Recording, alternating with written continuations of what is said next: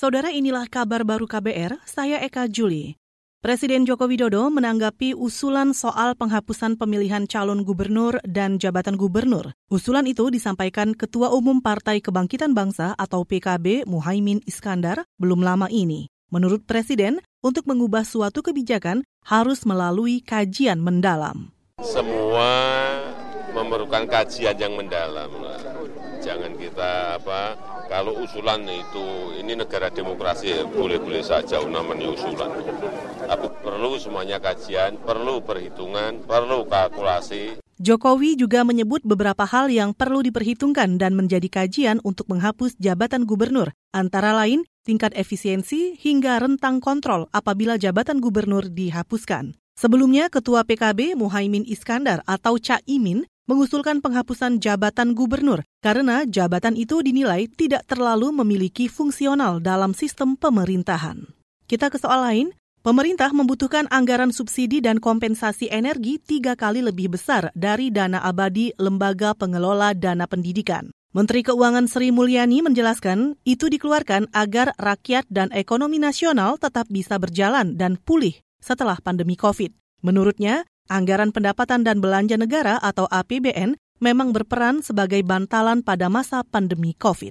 Subsidi tadi 555 triliun. Habis satu tahun. Kalau LPDP 120 triliun uangnya utuh. Itu yang disebut dana abadi. Jadi bayangkan bahwa untuk bisa melindungi masyarakat kita harus mengeluarkan dana yang lebih dari tiga kali lipat dana abadi LPDP.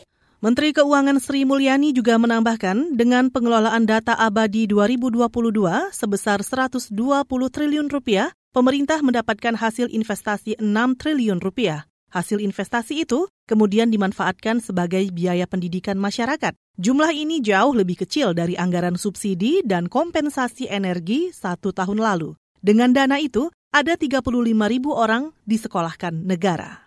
Ke informasi selanjutnya, Kementerian Perhubungan menyebut Dirjen Perhubungan Darat mendapat anggaran sebesar 5,4 triliun rupiah dari kebutuhan budget 14 triliun yang diajukan dalam rencana kerja anggaran untuk 2023. Dirjen Perhubungan Darat Hendro Sugiatno menyebut berdasarkan surat Menteri Keuangan 2022, pagu 5,4 triliun itu akan digunakan untuk empat kegiatan prioritas nasional pada 2023. Terdiri dari infrastruktur konektivitas transportasi darat, layanan transportasi darat, terdiri dari rehabilitasi terminal tipe A dan pelabuhan penyeberangan, keselamatan dan keamanan transportasi darat, dan penunjang teknis transportasi darat.